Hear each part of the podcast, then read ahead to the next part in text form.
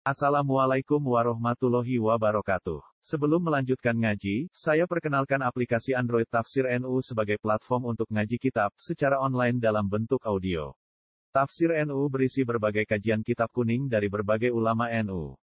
Silahkan download aplikasi Tafsir NU di Google Play Store. Link download ada di deskripsi. Wassalamualaikum warahmatullahi wabarakatuh. Bismillahirrahmanirrahim. As-safhu wal afu anil muslimi. Bener ya? As-safhu ta iki bab nyepura wal afu lan ya tegese nyepura anil muslimi saking kesalahane wong Islam. Akhraja ngetara sapa Al-Bukhari Imam Bukhari an Ali radhiyallahu anhu yaqul Bahasani Rasulullah sallallahu alaihi wasallam ana wa Jubair wal Miqdad radhiyallahu anhum faqala Intoliku hatta ta'tu raudata khawfin. Fa inna biya do'inatan ma'aha kitabun fakhuzuhu minha. Intoliku budalono sira kabeh hatta taktu sigo nekani sira kabeh utawa tumeka sira kabeh. Raudata ing kawasan raudhah, kawasan Khah, Khah nama sebuah daerah. Ini satu tempat antarane Mekah Medina. Fa inna biha mongko tak temne iku ing dalam raudhah Zoinatan, ono siji kafilah, kafilah utusan Ma'aha kang iku sertane zoinah kita benutai siji surat. Fakudu mongko jubo sira kabeh ing kitab minha sanging zoinah. Pantolak nama budalan sapa kita. Tak hale kesusu bina klan kita apa khailuna, apa jaran kita. Hatta hatena singgo nekani kita ar-rodo ta ing rodo. Faizan mengko nalikane mengkono nahnu te kita iku bidho inati iku ketemu doina, ketemu kafilah kafilah sing beto surat. Fakulna. Mongko ngucap kita. Kebetulan sing diwawancarai sing dikhitobi dah putri akhriji alkitab. Akhriji ngetokno sira alkitab ing tulisan ing surat. Fakolat mongko ngucap sapa imro'ah wong wedok wau mama iyu te surat iku ora tak gawa ingsun. Fakulna mongko ngucap kita. Latuh krijinna yektine ngetokno temen sira alkitab ing kitab awalanul kiyanna utawa yektine bakal cara Jawa ngudani kita atau buka kita ati aba ing pira-pira pakaian. Qal fa akhrajat hum dawa sapa rawi fa akhrajat mongko ngetokno sapa imro'ahu ing kitab min iqasiha saking bundelane kitab atau saking nggon simpenane kitab. Fatena mongko nekani kita atau mongko nyewakno kita bi iklan ikhlas kitab Rasulullah sallallahu alaihi wasallam. Faizan mongko nalikane mengkono fihi ku tetep ing dalam kitab utawa ana penjelasan ngeten utawa ana kejadian ngeten. Min Khatib bin Abi Balta'ah radhiyallahu anhu sangka Khatib bin Abi Balta'ah ila nasin maring manusa di Makkah. Minal musyrikina saking pira-pira musyrik.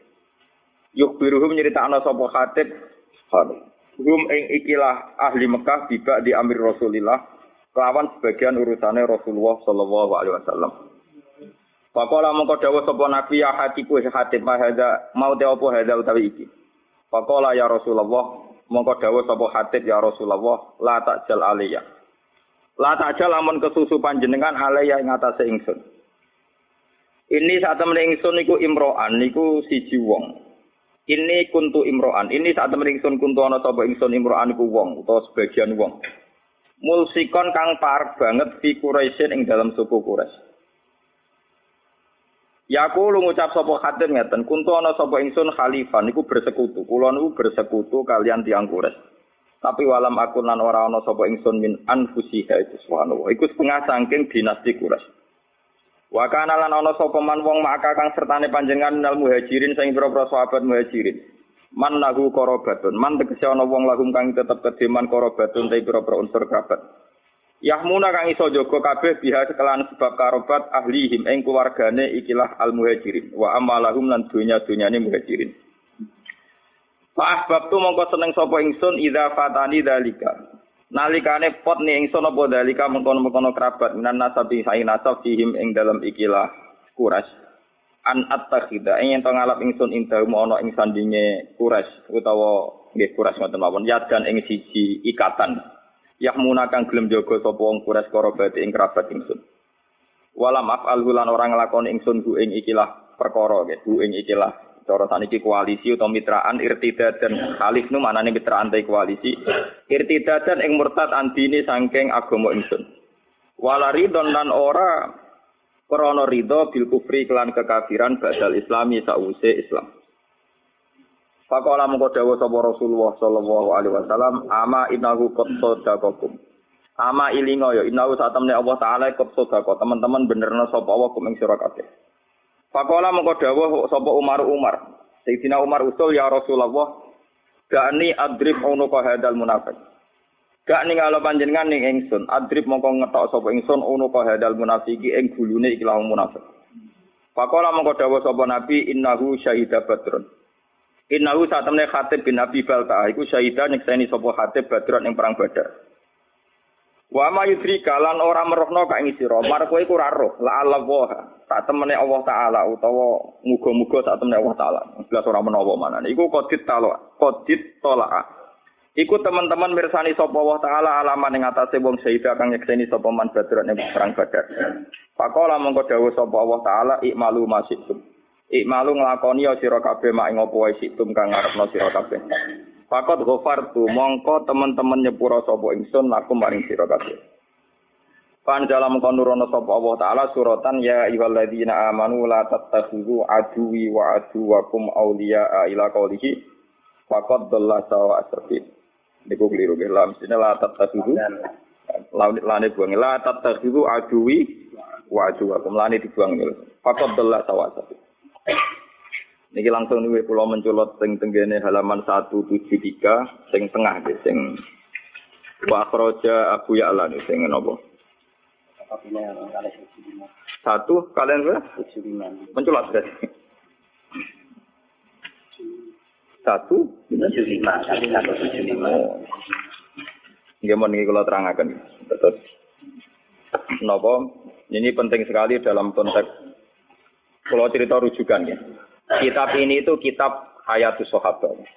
Kitab kitab sing spesial cerita tentang hubungan interaksi kanjeng Nabi kalian para napa sahabat. Jadi judul dasar ini Hayatus Sahabat.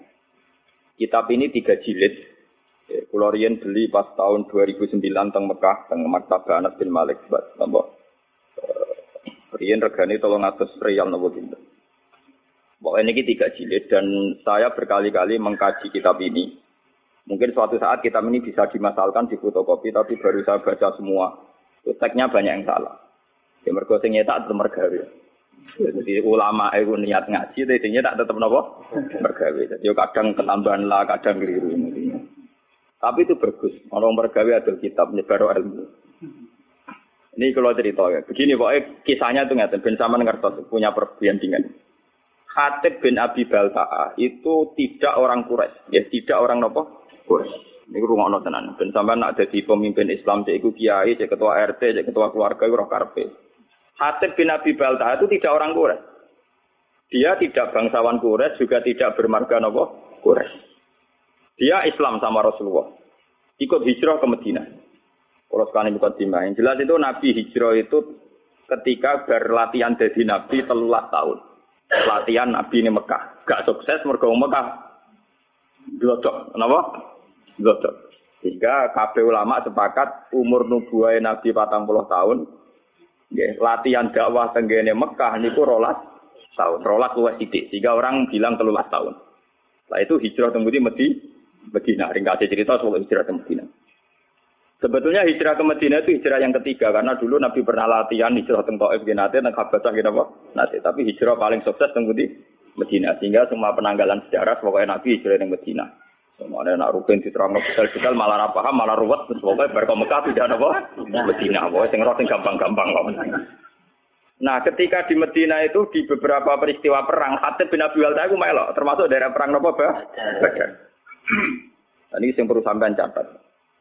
Saya ini seorang gus kiai, butuh kiai. Paling repot tuh nak ngadepi masyarakat. Ingat ini kasusnya ingat ini. Ben sampean tahu cara Rasulullah menyelesaikan. Hatib bin Abi Balta'ah, karena tragedi hijrah itu sebuah tragedi, tentu orang itu tidak sempat mengamankan harta-hartanya. Padahal rata-rata orang yang hijrah itu yang meninggalkan harta dan keluarga. Misalnya bujune orang Islam, anak orang Islam ditinggal. Dunyane cara omah rung dikunci, aset-aset rung dipasrahno kudu cepet-cepet napa hijrah. Karena keadaannya emergensi, tentu cepet-cepet ninggal. Termasuk bawa-bawa enam barang ditinggal. Oh, karena orang Arab pun harus di bojo sitok. Buat ini nanti ini guyon tapi nanti menjadi ilmiah. Masuk babonan-babonan nom nopo ditinggal. Bener sampean gue cerita. Akhirnya sahabat muhajirin yang Medina itu tanpa bojo. Makanya kata cerita sahabat Ansor bojone papa itu, kue karep di milahin, Milah iku ya tak pegat ida bar rabi kowe. Sehingga bojo pertama sahabat Muhajirin adalah bojo bojo bekasnya sahabat napa? Itu semua ahli tarikh sepakat begitu. Karena bojo-bojo yang belum Islam atau apa masih ditinggal di Mekah. Nah, karena Sayyidina Umar itu bermarga Quraisy, orang Quraisy, Abu Bakar juga orang Quraisy, bermarga Quraisy. Rata-rata muhajirin itu marganya Quraisy. Atau punya pertalian darah dengan orang Nopo Quraisy. Sehingga ketika mereka merasa nyaman di Medina, ya sajane orang nakalane orang sok suci nih. Sok sucinya begini. Mereka sudah dipuji-puji bahwa karena hijrah itu meninggalkan keluarga dan har. Tapi sebetulnya bukan ninggal nepleng gak. Ya diam-diam misalnya Robin di rumah Tibene, Mbak Mustafa di rumah Misanane, pokoknya diam-diam mana sing rumah. Sehingga mereka tidak ada ketakutan kehilangan har harta, termasuk Mbok Nom. Boten ini mungkin orang cerita nih, termasuk Mbok Nom bulan tak bulan ini termasuk kata kunci, termasuk apa? Mbok Nom. Ini termasuk kata kunci. Memang benar sejarah. Nah, suatu saat Rasulullah itu karena sudah perang Badar mendekati Fathu Mekah sekitar tahun 667 karena Fathu Mekah rata-rata ulama membuat penanggalan tahun 8 8 apa ya setelah itu kan Rasulullah tinggal dua tahun lagi wafat okay. setelah itu Nabi Haji Wada dan Nabi Haji terakhir Mon Nasi Khatib ini karena tahu Rasulullah suatu saat kembali ke Mekah dengan kekuatan penuh dan pasti menang. Perlu dicatat Khatib ini sudah tahu kekuatan penuh Rasulullah. Rasulullah sekarang orang yang sukses, punya pasukan yang terampil, semuanya punya orang loyalis, loyalis, loyalis yang hebat. Mesti nak masuk Mekah itu menang kan. Wong perang Badar ya menang wong Islam beberapa perang menang napa wong Islam. Akhirnya Khatib kirim surat.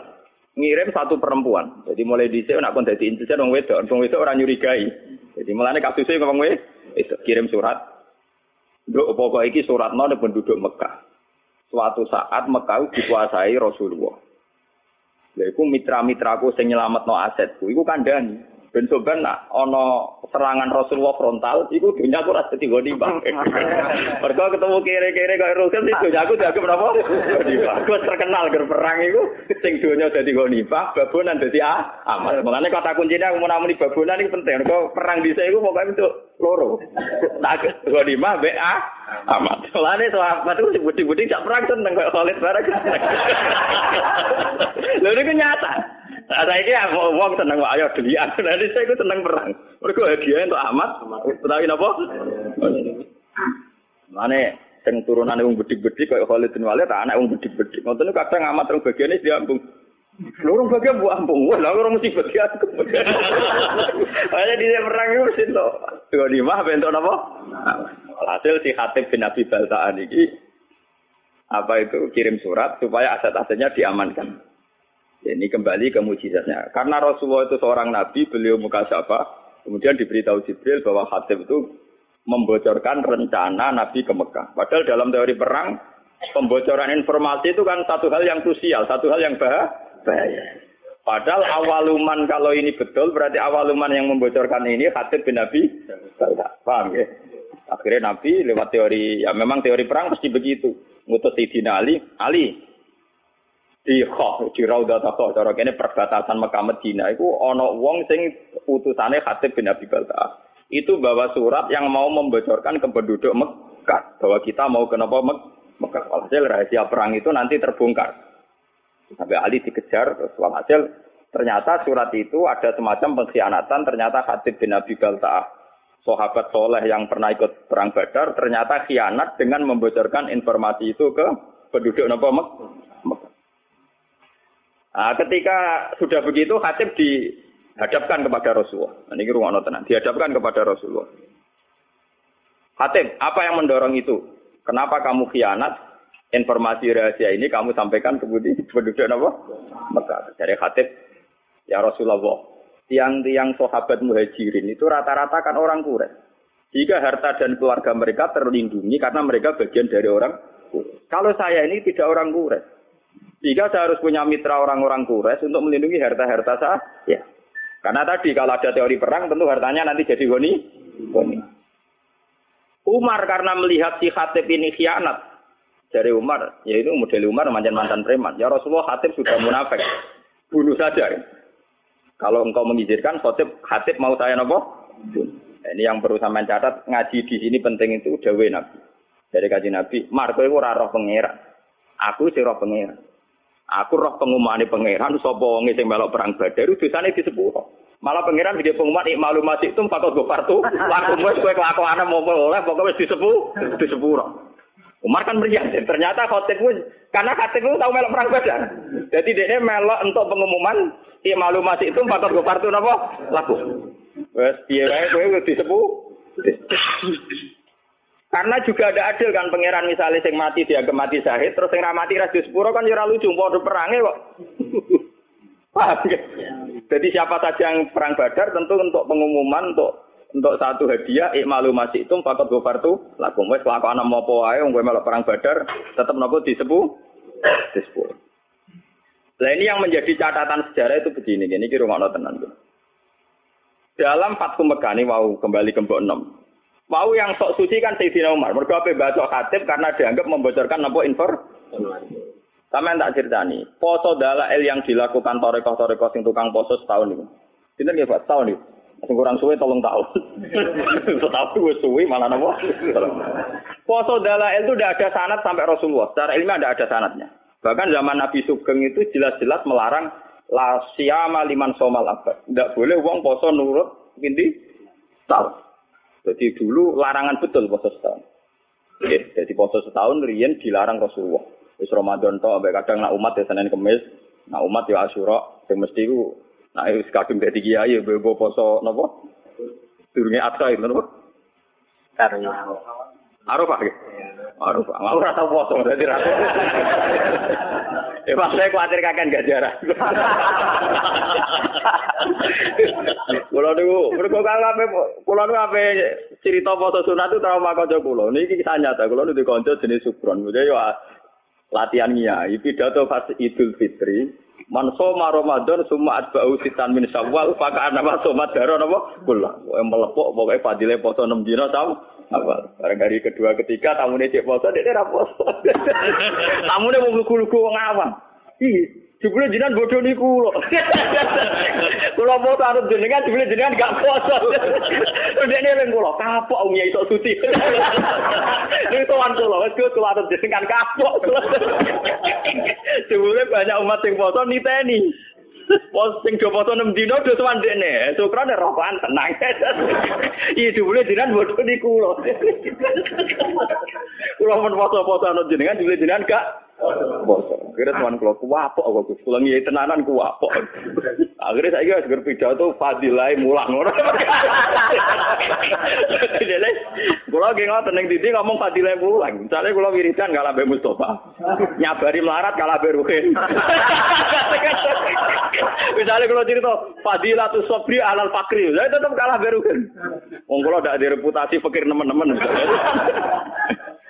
Mulai kisah nyata. Ini kurang tenang. Yang perlu dicatat, Umar ini balik ke foto dalail. Ketika sulhul Hudaybiyah dan ada masalah besar perjanjian, ini masalah taring, makanya saya ulang-ulang nih. Ketika sulhul Hudaybiyah antara Rasulullah dan kafir Quraisy, itu ada perjanjian-perjanjian yang merugikan umat Islam. Ini saat itu kata orang-orang kafir, Mas kamu boleh tawaf, tapi tahun depan kamu nggak boleh mempengaruhi orang Mekah supaya masuk Islam. Kalau sampai ada masuk Islam harus kamu kembalikan menjadi kafir lagi. Tapi orang Islam yang menjadi kafir, rasa balik nomat, macam asal usulnya kah? Kafir.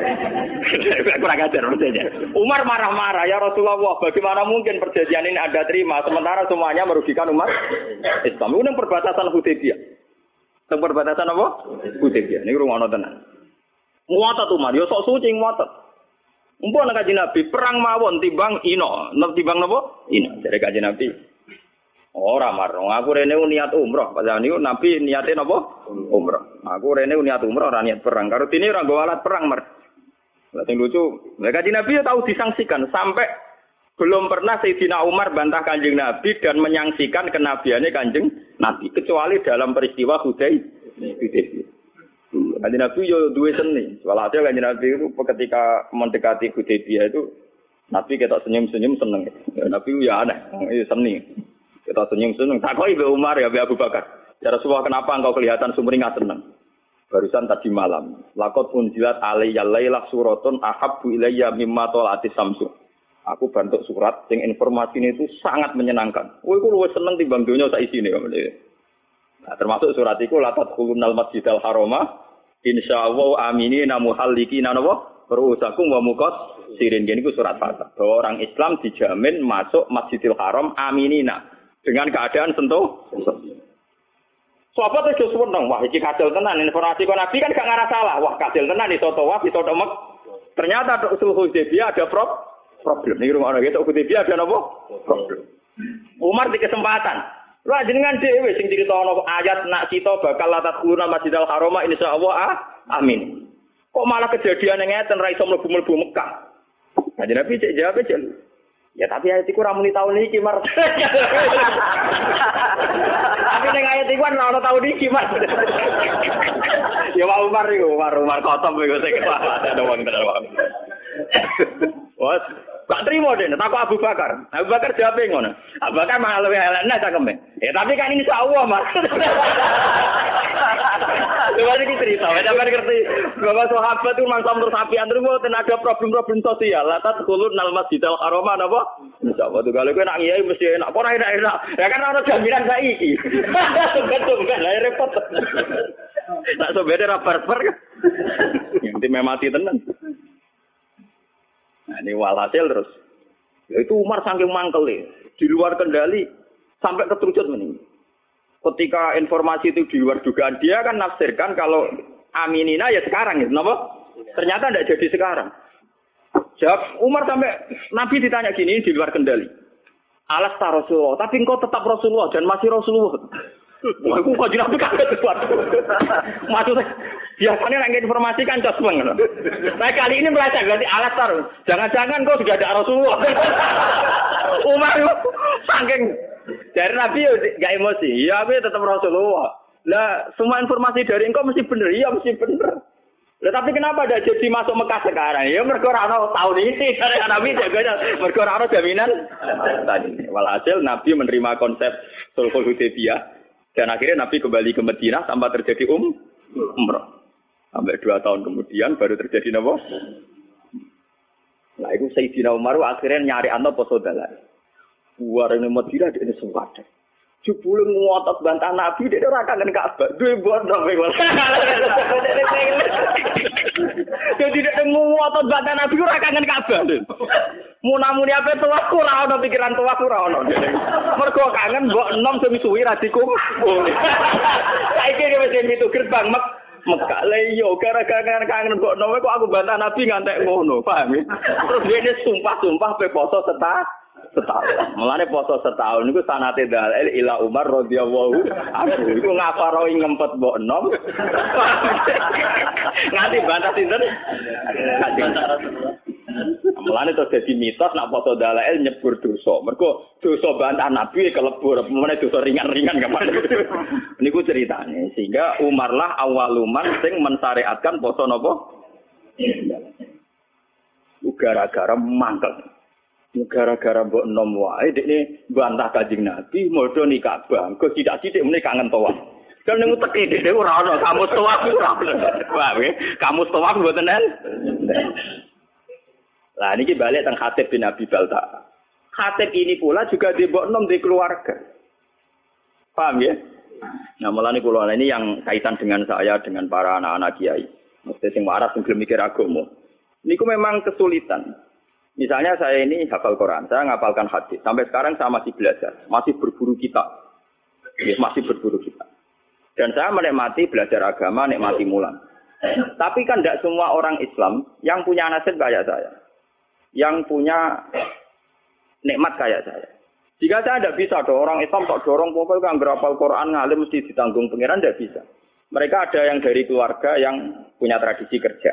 Kadang dari keluarga yang logikanya harus PN, dari keluarga muslim yang baik tapi logika wong kudu nasibe jelas duwe toko, duwe pekerjaan dan sebagainya. Ini harus kita maklum. Harus kita nopo? Maklum. Kalau ndak nanti Islam ajur-ajuran seperti ini.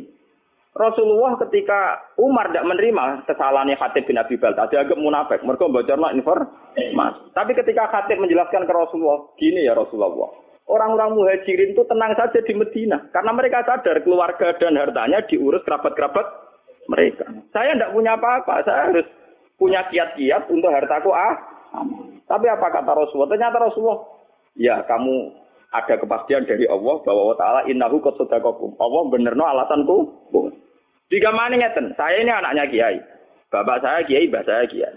Umpama aku songkong ngalim nganti tuwek nganti mate, radi pekerjaan. Pokoknya germulang istiqomah, abad asa. Kuwi kuwi jaga prestasi. Untuk menajan to kere, klunak kluno, kukar kukur, ngono jaga prestasi karena ukuran sukses anak kiai mulang istiqomah. Bayangno misalnya keluarga yang matre atau PNS atau apa. Kan nggak mungkin mau udah ke prestasi. Urip ora jelas. Nah, tentu santri-santri soleh yang dari keluarga ini jangan salah karena orientasinya bis, bisnis. Karena ya itu tadi konteksnya beda. Terus saya biasa debat sama Gus Gus sampai maki-makian. Ini cerita-cerita ilmiah saja, bukan? Lan gile jenengan sinau tenanan perkara ini dihormati dicucuk. Engko pondoke ya jelas mulang jelas. Nak rugen kon sinau tenanan ya ngerti ra di pondok. Engko kitab Pak foto-foto takokane bojone iku dadi dhuwit ta ora. Lenda kan konteksnya beda sekali. Tentu dari keluarga yang punya kesadaran, gak keluarga saya kan gak ngerti takok. Gak kena sinau untuk opo kan enggak. Bapak saya ada pernah tanya gitu, bahasa juga ada pernah tanya gitu. Malah narang alim takon sana. Ada kiai jirang alim. Nah ini kan ya kasusnya Khatib kayak gitu. Makanya ini ya, kenapa ini saya ajarkan di sini biar apa pun kebaikan yang kita sarankan jangan digeneralisir, jangan disama ratakan. Kebaikan tetaplah kebaikan meskipun dengan varian yang berbeda, yang berbeda. Wong saya di desa saya itu berkali-kali kalau saya diberi kesempatan mau ibadah saya lima tahun itu pidato sekali, jarang sekali saya mau pidato. Biasanya boleh lima tahun sekali, empat tahun sekali, wong wong kumpul dengan kulo, pengen kulo pidato. Ini kulo pidato setengah jam. Kalau nabi pidato kayak simpel mawon. Sesuai jenis anu saya dan dan pengajian sing saya, buatan gitu saya, sing turu gitu saya, sing tengah-tengah gitu saya. Wong Islam itu gampang. Itu tak ceritani wali sing turun turun. Jadi neng Asia ono cerita lucu. Ono wali nak rino ku poso, nak bengi niku tahajud. Wah, sholat sunat apa dilakoni poso model wae napa? Dia karena merasa suci karena amalnya entek ngamek. Dia golek saingan wali. Ya Allah, apa ada wali yang setingkat saya? Ternyata berpikiran di tutoro wali cemen turu. Iku ngilir bedak so, sholat. Gak terima, jadi saya wali di tukang turu gak terima. Jadi ini cerita nyata nih. Ya Allah, gimana mungkin orang yang turah turu orang-orang mau tanginya bedak sholat perdu, derajatnya sami kalian ku, kulo. Ya nara nara paham yo takok to gampang to. Takok. Jadi wali sing tukang turah turu takok. Eh, kowe kok iso sederajat be aku perkara niku. Ngaku ibadah rino poso bengi tahajud. Kok kowe turah turu sederajat ambek ah? Aku.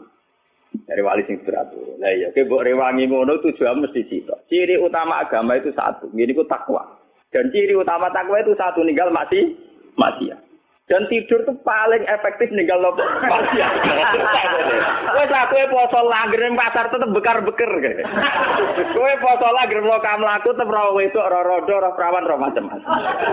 Tetep bersih aku aku ning kamar terus aku mau Angsal karo kari pokoke. Eh bisa. Wes aku tanam delok wedok mbek aku tetep bersih aku. Wong aku ning kamar tuh ora. Piye wae ciri utama takwa ning maksiat dan turu paling efektif. Sadar wali sing waduh, pinter tenan iki. Yo, lho iki ilmu. Kalau siapa niru ya kena, ya ora kena. Maksudnya cerita ilmu. Tapi itu memang nyata. Tentu orang tidur lebih tidak berisiko mak maksiat. Ya ya ini cerita. Ciri utama takwa ninggal maksiat dan tidur paling efektif ninggal nopo maksiat. Meriang wali sing tukang ibadah. Iya, aku yo mau kamar aku asli ngempat ngempat kira usah ngempet, ngempet apa ning kamar. Paham ya? Ini satu perbandingan. Terus selama ini kita kan misalnya lagi senang pengajian. Wong ngono pengajian kok rata kono keapian kok gak teko.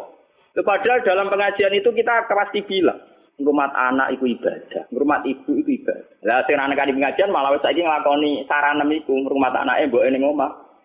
Paham? Mulane kiai-kiai sing balik kula kandhani. Kita ini tidak fair.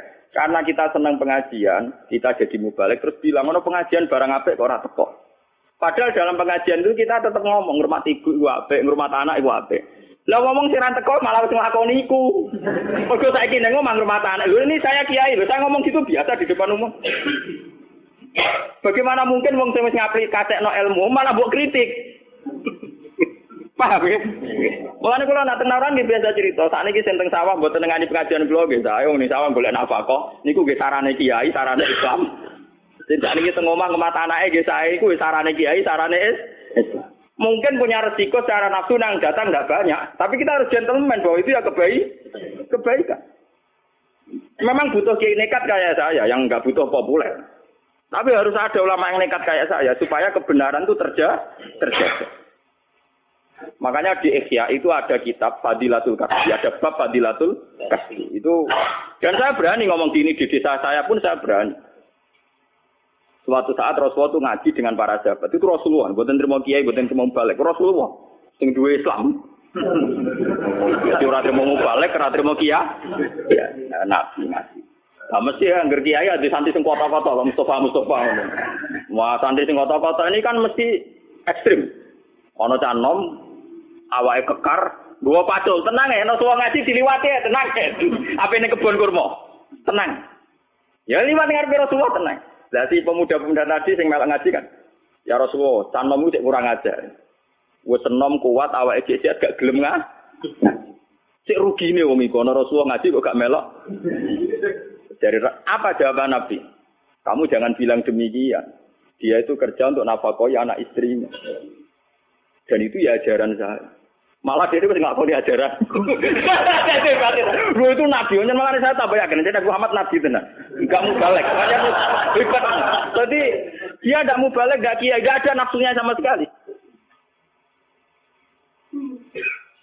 Paham ya? Memang butuh hati gede loh, ngomong itu butuh. Butuh hati gede. Karena kita tetap ngaji, manjan goblok ya ngaji kok. Tapi ini cerita, kita ini tidak usah membakukan satu kebenaran satu dua. Mungkin nanti ego sih kudu ngalim takdir. Apa sing rapati ego rapati ngalim tapi amen pidato sing maslahat gawe masjid urusan bangunan. Lan aku yo coba melok melok oleh malah raro aku malah repot. Lah padha sing aku ngaji malah melingkar kabeh maknane malah. Ini kan urusan pembagian apa tuh? Makanya Sayyidina Umar disalahkan oleh Rasulullah. Kamu jangan begitu. Ternyata Khatib bin Abi Balta punya pertimbangan tertentu.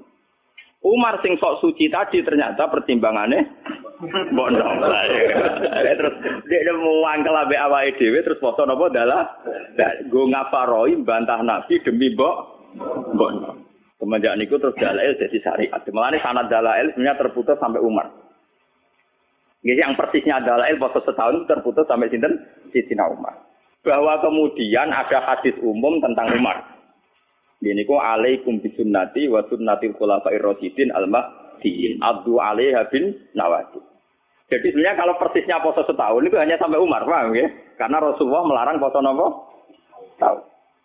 Tapi karena Umar punya pikiran tertentu untuk mengkafaroi dosanya, itu sah, sah adanya. Ya tentu menghindari yang haram-haram kayak ayam mutasrek terus nopo Idul Fitri tanggal satu ya itu kan itu pakem ya kayak kayak gitu-gitu terus sebagian ulama nambahi ayam musak, ya musak kayak tanggal pinten antara 30 dan apa? Tapi itu sebagian ulama. Sebagian dia ini tenang mau, mereka jadi kaduk. Jadi orang ulama yang mengharamkan puasa ya musak berarti tanggal pinten 30 atau 29. Sebenarnya yang potensi jadi tanggal 1 Roma. Lah ulama yang mengharamkan aku setuju. Setuju kulo aku ben malaikat itu jelas. Saatnya malaikat menyenangkan diharamno. Saatnya malaikat begini, kita-kita ini kan misalnya tahu palak ya. Sekali satu Ramadan itu kan harus puasa atas nama Ramadan. Kalau orang yang biasa adalah eh tidak pernah jeda dan itu terjadi sak, misalnya orang silap Ramadan itu apa Senin apa Ahad, orang masih nopo silap. Tentu aturan pakai kan etmam. Etmam misalnya nunggu selesainya 30 sak, ya 30 hari ya, minggu tiga 30 hari. Ketika itmam selesai kan dia mau tidak mau harus bagian dari Ramadan. Tapi itmam kan juga ada masalah. Sekarang fakir-fakir modern itmam itu ada masalah. Masalahnya gini, Pak. Misalnya saya meyakini Saban itu sudah itmam 30 hari. Itu masalahnya kan penanggalan satu Sabannya saya misalnya Ahad. Coba bagi orang yang awal nanggali Saban itu Senin. Itmamilah kan yang mundur gitu. Paham ya? Makanya di fakir-fakir modern sekarang, istilah Ramadan ditoleransi sampai empat. Itmam itu tidak menyelesaikan masalah karena kalau ngitungnya dari sabar sudah beda. Paham ya? Selama ini kalau kiai kiai pidato kan hanya cerita, lo nak bingung yo gampang, pokoknya Pak Milu data sabar salah Cina Yoman. Loh, tapi salah Cina Yoman yang awal sabarnya besok, paham ya? Yo enggak loh, paham masa bu ya? Salah Cina Yoman saban jebule sing sitok misalnya Mustafa ngitunge akad, sing rugen ngitunge sen Senin. Tak tetap ikmalilah mundur kan? Nah, orang yang biasa gak poso kayak aku gak bingung no malaikat. Karena jelas catatannya bahak ra poso, bahak poso. Karena sing biasa poso dalail malaikat iki iki dicatat bagian dalail apa Ramadan kan paham. Jadi kadang wong ibadah ora diperhitungan saking malaikat. Mergo niki bingung no. Mulane rata-rata ulama, jumhurul ulama mengharamkan yaumus sakifat. Aku cocok. Mau ana poso sekarang lu cocok. Mergo ya mergo ora usah poso niku maksudnya. Mergo ora usah napa? Poso. Loh karena memang membingungkan. Nah, sebagian ulama mengatakan ya baik cerita ilmiah ini masih cerita sahabat, termasuk zaman sahabat kata Ibnu Abbas, kata sahabat-sahabat sing hati-hati. Ya sahabat riyen wonten sing alim bedhik, kados kula niki kathah. Alim tapi di perhitungan, pokoke seneng sing haram-haram poso seneng. Mergo wis ora poso untuk ganjaran. Mergo ciri utama haram nak ninggal kan ibadah. Jadi sing poso iso ngenyek ge kuat. Goblok kowe poso. Poso ya musaku haram gue lakoni. Kowe poso untuk dosa. Wis poso untuk dosa. Aku wis ora poso untuk ganjaran mau ninggal barang ha? haram.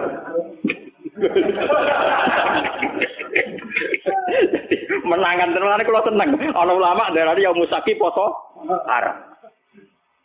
Jadi sing nglakoni poso dosa napa ibadah? Dosa. Sing ninggal ibadah gajaran apa?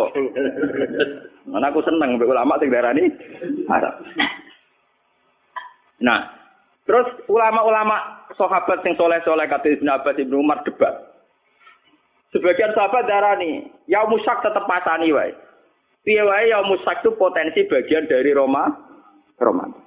Sebagian sahabat cara berpikir lebih baik saya puasa tidak bagian Ramadan saya berikan ke Ramadan. Daripada faktanya yang musak sebetulnya telah Ramadan dan saya tidak puas puas. Paham ya? Bola balik sing keliru meneh. Kenapa yang keliru meneh? Kalau yang biasa gak puasa kaya aku terus puasa pangeran pirsa. Gak mesti wedi ra nglakoni Roma. Roma. Oh. Tapi nek sing biasa dalail, rutinitas to ora? kan mergo mlebu ning rutini potensinya salah lagi. Mulane ana ulama sing nyiasati dalah elu kon nilangno, kon ninggalno sedurunge rong dina ya mus. Mergo yang ngoten niku resiko napa? Resiko antara rutinitas dengan meyakini bagian dari napa? Nah, bola balik nak dua pendapat ekstrim di fikih biasanya sing ketiga terus nakalan. Sok bijak tapi aslinya nakalan, mergo untuk pendapat loro. Paham ya, agak tunggal itu tengah-tengah mergo ora melok debat. Nah, terus ana ulama sing ketiga cerita khusus bagi mereka sing duwe adat poso. Cek dalail, cek Senin Kemis, ketika hari rutinnya puasa jatuh pas barengan Yaumus maka tidak jadi haram. Tapi sebenarnya masalah itu tidak selesai. Kalau tidak jadi haram itu mewakili Ramadan, itu mewakili adalah, eh, tetap nggak ada malaikat PR, tetap saya tetap nggak ada malaikat apa? PR. Paham ya? Dan itu dulu zaman sahabat itu sudah diperdebat, berdebat. Bon globalin malah kita cerita kitab.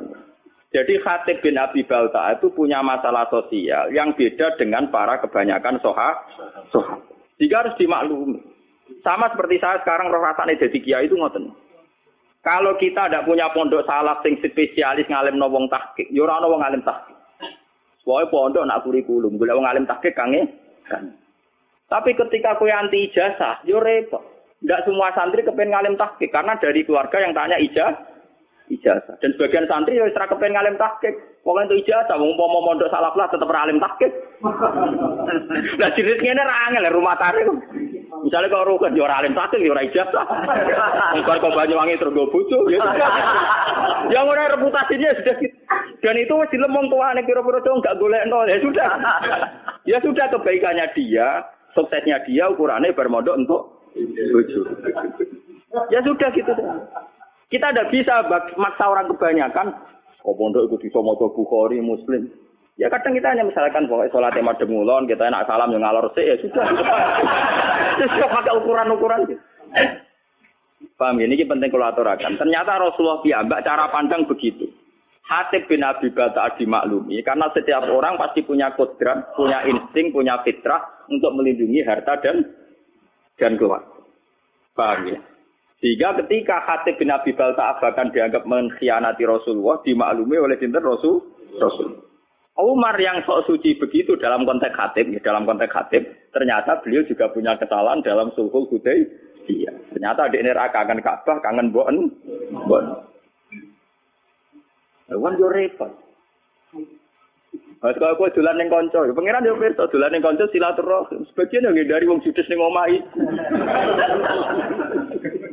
Iku rahasia umum pangeran perso. Niat silaturahmi mau kadare piro. Tapi nak ngendari jatah blojo karuan. Timbang itu itu mari tukaran ibu silatur. Mau nak sore kan biasanya beratus setan hilang mulai. mulai bojo wis ah, sadar. Kok itu pak kok kaki ketok ketok oh, ngaku ngaku.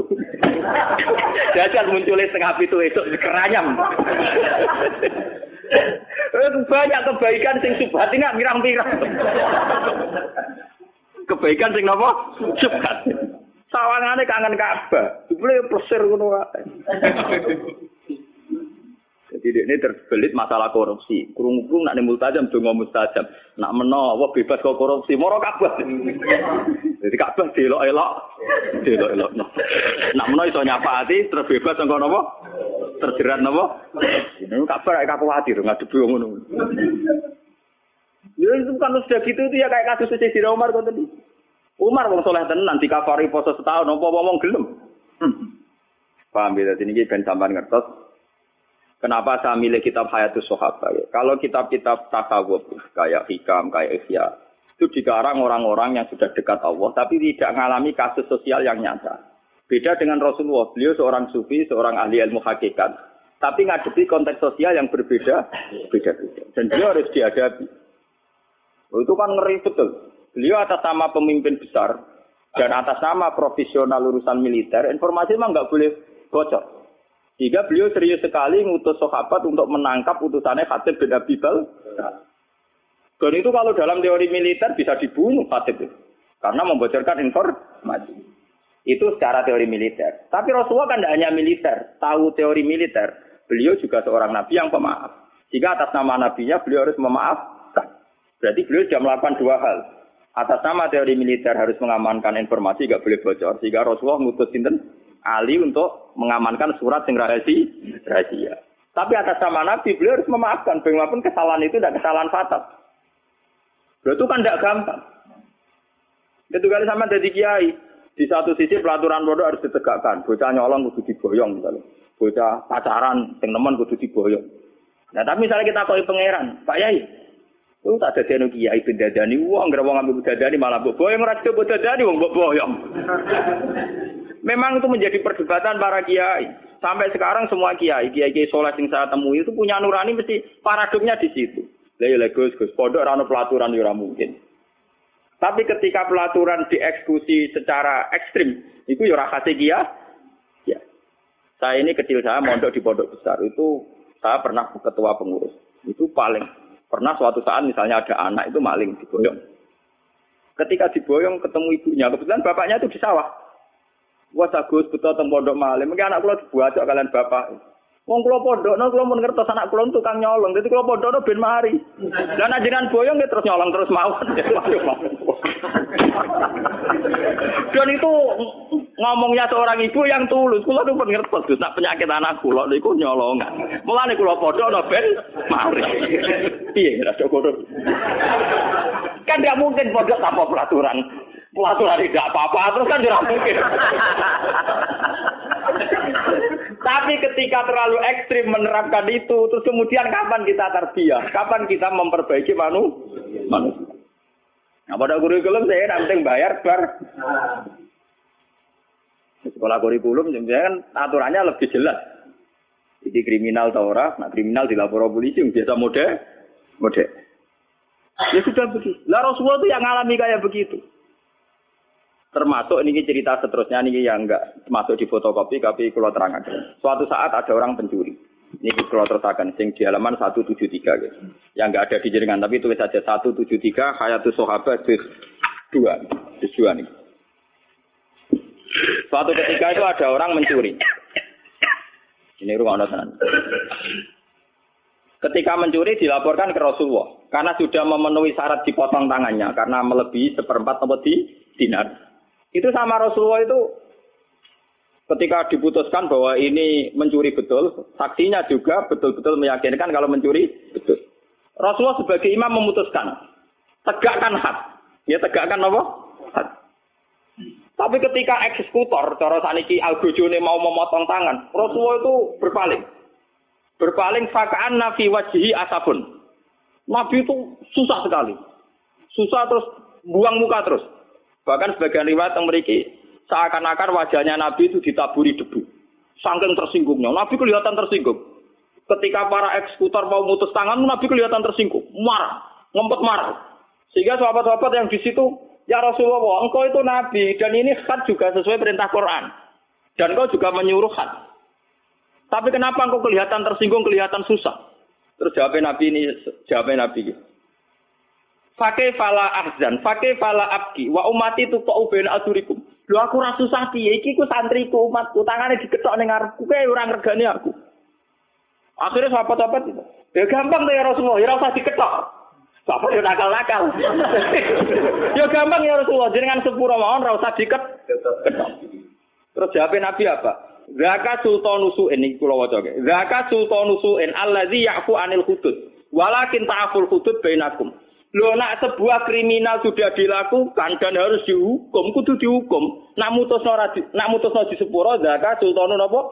Su. Itu imam yang jelek satu hukuman kok dibatalkan.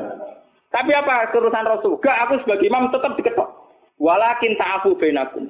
Iso ora diketok, tapi hukum dasar ketok kudu dihilang isik. Akhirnya wong sing rumangsa dicolong, ya ya sudah ya Rasulullah, sing kemalingan kan kula. Sudah Rasulullah saya maafkan. Ya ngono dan itu itu hebat. Lo coba. Kiai saya kok dadi nabi meriang tenan. Lo paling enggak kalau kayak saya kan tetap roh kafe. Maksudnya tak ceritani. Jadi nabi ku berat tenan. Jadi nabi memutuskan kon ngetok, tapi ketika itu tolong ngetok nabi kelihatan tersinggung, susah sekali. Itu apa sing nakal sekali? Gampang tuh ya Rasulullah. Kan jenengan ngoten ora sama ora usah diket. Ketok. Aduh, itu sultan usuk. Itu imam yang buruk sekali karena ada hal yang terbukti salah kok ora hukum hukum. Tapi hukuman itu iso mbok batal. Walakin ta'afu benakum. Ya asal sing duwe hak nyepu sehingga teori hadis ini pula yang mengilhami hukum-hukum fikih seluruh dunia. Kisos wong mateni ruhin, misalnya kudu dipateni. Tapi nak keluarga Ruhin nyepuro hukum kisos tidak jadi. Masalah maling ya gitu, kisos juga begitu. Kecuali zino, dia ibu jadi wong. Terus yang lanang rito wong edian. Jadi orang hukumnya, hukumnya edian. Jadi aku merkosa, aku merkosa. Itu serana contohnya. Kecuali cerita-cerita nih kota-kota gede sama edan-edan itu. Wah, lha iku ora ono ora ono kembarane mulane kula niku wis ngalim ngene cek kalah mek kanca kula. Gus kula nang ngalim kalah mek jenengan, Gus. Tapi nak guyonan hukum tetep pinter kula. Dene sauri uripe ngaji mek kula, tapi nak urusan guyonan hukum menang dekne. Manjen ra ngalim anu teke akeh. Dene nate tangkel kula. Gus, jenengan tak bedheki, nak iso lho Gus. Oh, nak ngalim kula ngakoni kalah, saya nek iso jawab niki hebat. Dosa napa sing Allah ya ora seneng, setan ya ora seneng. Umume dosa kan setan seneng kok. Iku setan ora seneng. Apa jadi nyelingkuhi bojone setan. Iku Allah ya ora seneng, setan ya ora apa.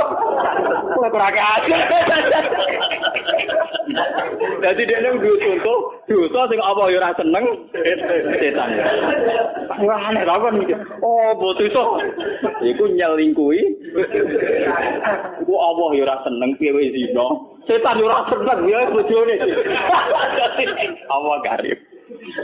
Mulane saya iku terus mulane minuman keras nak diombe wonge mati diteket setan. Wong minuman setan diombe. Setane gak terima.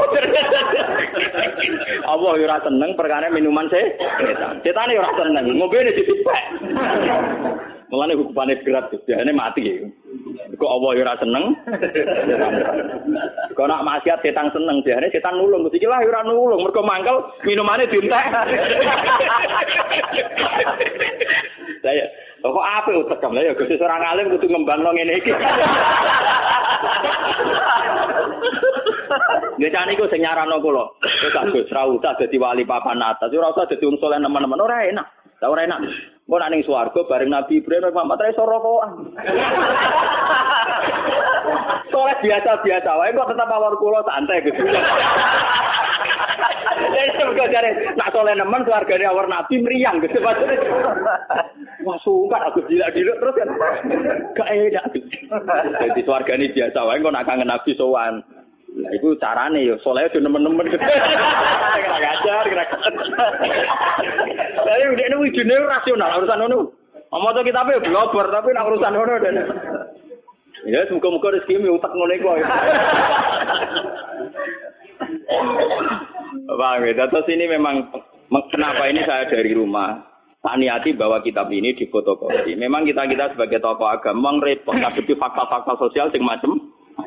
Tapi apa pun itu sikapilah meneladani Rasulullah Shallallahu Alaihi Wasallam dengan mengkaji kitab-kitab kayak ini. Sampai anda harus gimana sudah ini kitab dikarang oleh ulama hadis sahabat itu terkenal. Saya di Mekah umroh itu 8 hari tiap malam itu ngaji hadis sahabat. Cari sesa yang sedang ngajar hadis sahabat. Jadi saya umroh 9 hari itu kalau malam belajar Bukhari dengan hadis sahabat. Ya saya emang niatnya sinau. Wong kula wiridan ya ora kuat. Jadi yang kanca-kanca enggak umroh lagi. Enggak, bisa naik cukup. Mas. Sinau aja.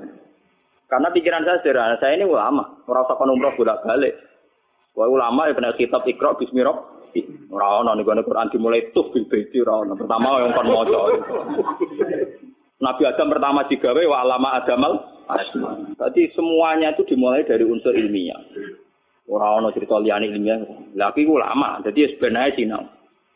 Lala kesampean. Kabar-kabarnya kalau di depan Ka'bah itu orang tidak boleh bawa kitab karena Wahabi itu ekstrim. Selain yang baca Quran biasanya nopo di juhura. Kalian naskar-naskar. Tak kalau ya goblok. Kalau kalau kitab kayak Bukhari itu kan standar dunia. Orang Wahabi juga mah. Jadi kalau saya jam 2 itu belajar Bukhari sampai. Ya, hanya gitu kan sepi. Ya karena belajar wong alim itu wakil kan gak boleh rujuk, gak boleh makno. Seorang yang belajar Mustafa ya boleh kamus. Mujid gak kena kamus terjemahan. ya repot-repot nanti malah kabar yang bingung piye riwayat. Jadi kalau malam itu belajar jam 2 sampai subuh. Biasanya santri-santri sarang yang di sana ikut ngaji. Meskipun jam ada di Mekah ya, kalau ngaji lagi sama jenengan, memang dulu muridnya saya ketika di sarangnya ngaji lagi Bukhari. Sehingga saya pas di multazam itu hanya berdoa, Ya Allah, saya ingin mewarisi Rasul engkau yang engkau titahkan, Rabbana wa atihim rasulam minhum, yattu alaihim ayatika, wa yu'allimuhumul kitab wal hikmata, wa yuzakki. Bahwa Rasul Muhammad itu disifati Quran itu hanya tentang ngajarnya. Seorang Rasul itu apa? Rasul adalah orang yang mengajarkan kitab Quran. Wa yuzakihim. Wa yu'allimuhumul kitab wal hikmata wa sehingga seorang ulama kalau warasatul ambiya, ciri utamanya itu hanya ngajar. Bahwa kemudian wajib haji, nak ditetir wajib. Ini gue gak? Ya kayak kalau mari kadang, mari wah ya repot. Kalau itu cara melarat malah enak mikir kaji. Kadang ditetir mampu nopo? Nah, rukin kalau tak wah kalau ora kepikiran blas ora wajib. Oh, tekalek pikir gowo Tapi memang ya, kalau ulama itu watak dasar yang wajib gak bisa dihindari itu mulang. Karena ketika Nabi Ibrahim itu ingin punya anak cucu yang jadi rasul, itu berdoanya Robbana wab asihim rasulam minhum alihim ayat. Harus ada alihim. Setelah dia alim Quran harus dibacakan ke orang banyak. Kayak saya ini dibacakan ke orang banyak. Yatlu alihim. Jika hubungannya ulama dengan umat, usahakan hanya hubungan ngajar. Dan itu saya praktekkan. Saya di Bojonegoro habis ngajar ya pulang. Di sini habis ngajar pulang. Jarang saya nimah tamu. Sekali ulama di luar mulang hubungan dengan masyarakat, tengah dukun. Sing melarat njundungano jembar ini, sing buka toko ya ben penglaris. Paham ya sing dudo-dudo ya kepenang payura. Itu udah harus ulama sekali bersaya sing nangani ngono-ngono itu, Pak. Selain aku ya ora duwe donga-donga sing iki buka toko, iki buka pom, iki ora duwe ngono. Wah, anak sing kiai ngoten wae ono wae dongane. Buka toko ben laris. istiwa si bebas wae akad legi apa kok sesuai wae ono cara-carane opo piye mungkin sih rati kok ora carane ana ana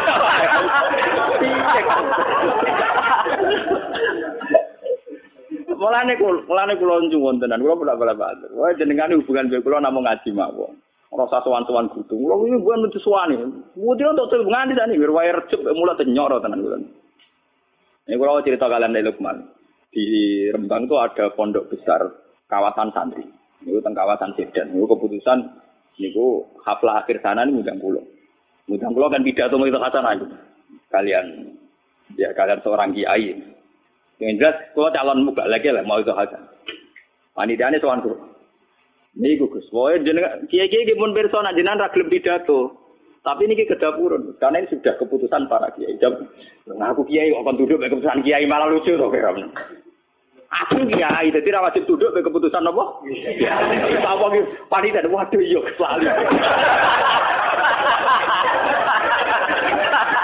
Kalau lagi tenang aja guyon. Aku itu kiai, yo coba intimidasi ke keputusan apa? Kiai. Jika anda non yang para kiai sing mutus no, dari Gus Bak, Gus Bak sendiri juga nopo. Akhirnya ke kapan-kapan ketemu be ketua kiai. Wah aja teh cangkem.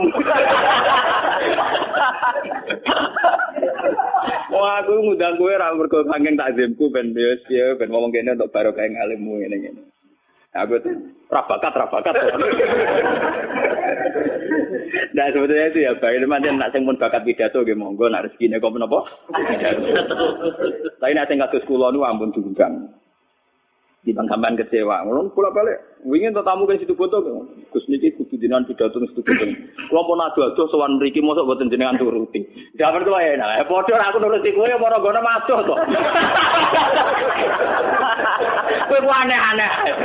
Adom kon regani aku dari situ foto rembang wadon. Lah aku nuruti kowe ya para ning gono. Lah nek mentolong ngel-ngelo kiai imam. Mboten Gus boten. Nyuwun barokah mawon.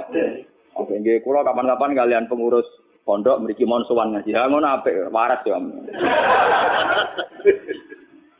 Dari memang saya itu bukan bapak, ya. artinya ya kalau yang bakat pidato nggih monggo, sing bakat mubalak nggih napa monggo. Tapi sing bakat ngalim yang statistik, yang terdokumen kayak saya sudah begini saja.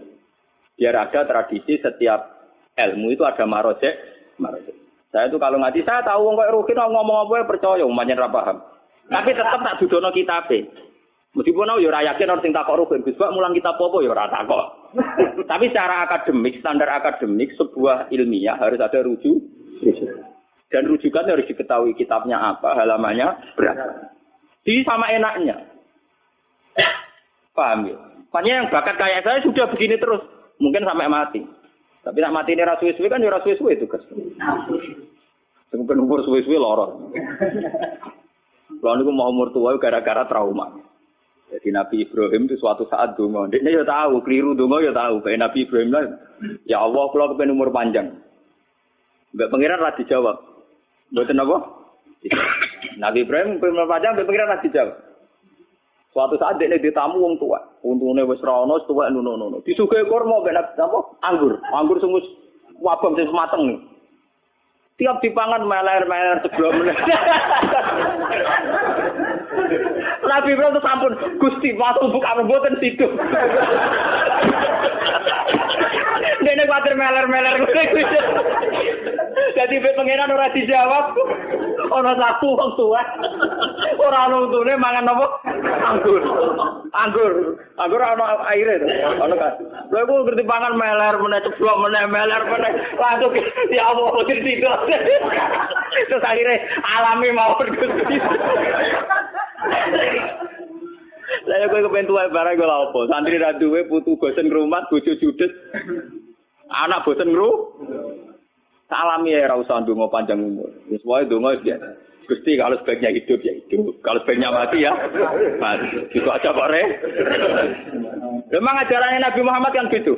Ah ini maka natil hayat khairon li. Maka natil wafat khairon li. Dari Nabi kan adungan. Ya Allah hidupkan kami kalau hidup itu lebih baik. Matikan kami kalau mati itu lebih baik. Gampang bahasa ini urusan pengiran itu gampang. Malah ngajari pangeran, kepengen umur nopo? Wow, kepengen nak mangan meler.